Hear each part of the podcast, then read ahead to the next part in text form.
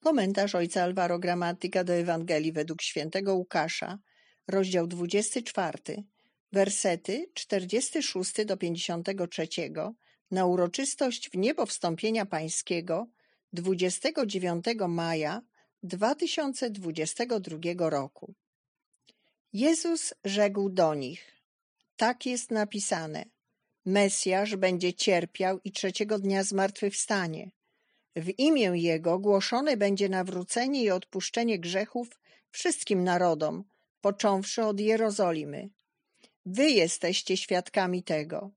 Oto ja ześlę na was obietnicę mojego Ojca. Wy zaś pozostańcie w mieście, aż będziecie przyobleczeni mocą z wysoka. Potem wyprowadził ich ku Betanii, podniósłszy ręce, błogosławił ich. A kiedy ich błogosławił, rozstał się z nimi i został uniesiony do nieba.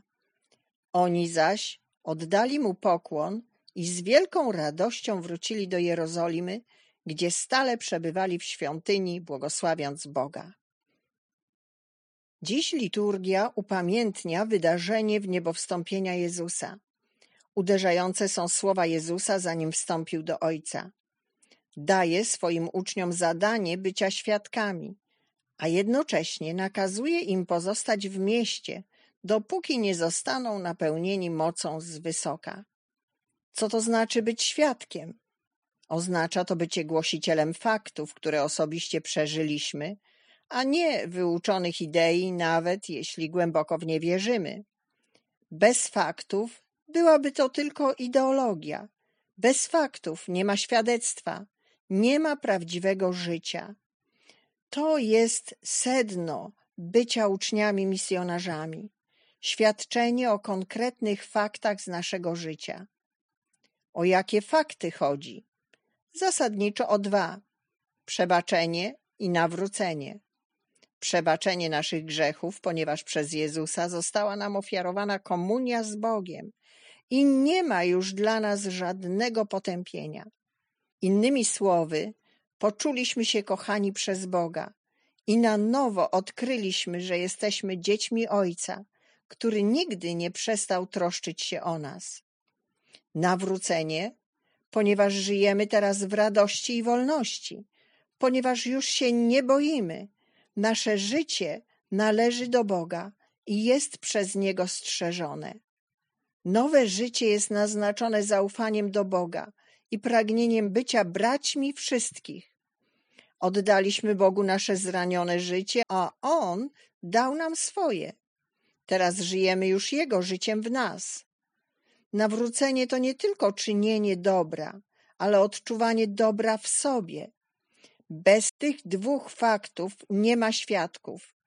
Uczniowie doświadczyli i widzieli na własne oczy, że jest zmartwychwstanie, że po cierpieniu zawsze istnieje możliwość odrodzenia, że życie może się zmienić dzięki darowi Boga.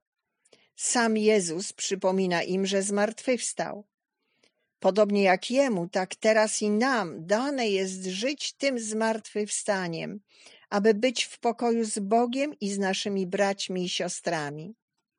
Czy każdy może być świadkiem? Nie. Świadkami mogą być wszyscy ci, którzy doświadczyli przebaczenia i nawrócenia.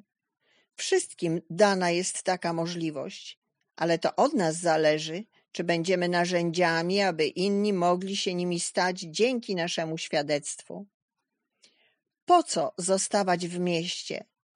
Z pewnością, aby otrzymać dar Ducha Świętego. Uczniowie bowiem otrzymają go w wieczerniku w dzień pięćdziesiątnicy. To duch ożywia nasze słowa. Nie wystarczy nasze zwykłe opowiadanie. To on porusza serca tych, którzy nas słuchają. Ale dlaczego trzeba zostać w mieście, aby otrzymać moc wysoka? Jest tu szczególna wskazówka. Duch Święty nie jest sprawą indywidualną ale znajduje swoje miejsce we wspólnocie, w wymiarze wspólnotowym. Duch tworzy wspólnotę i żyje w niej. Ta komunia staje się widzialnym znakiem komunii z Bogiem i przemiany życia, gdzie panuje przyjaźń. Taki jest sens tego święta żyć we wspólnocie, trwać razem, aby stać się skutecznymi i nieustannymi świadkami przebaczenia i nawrócenia.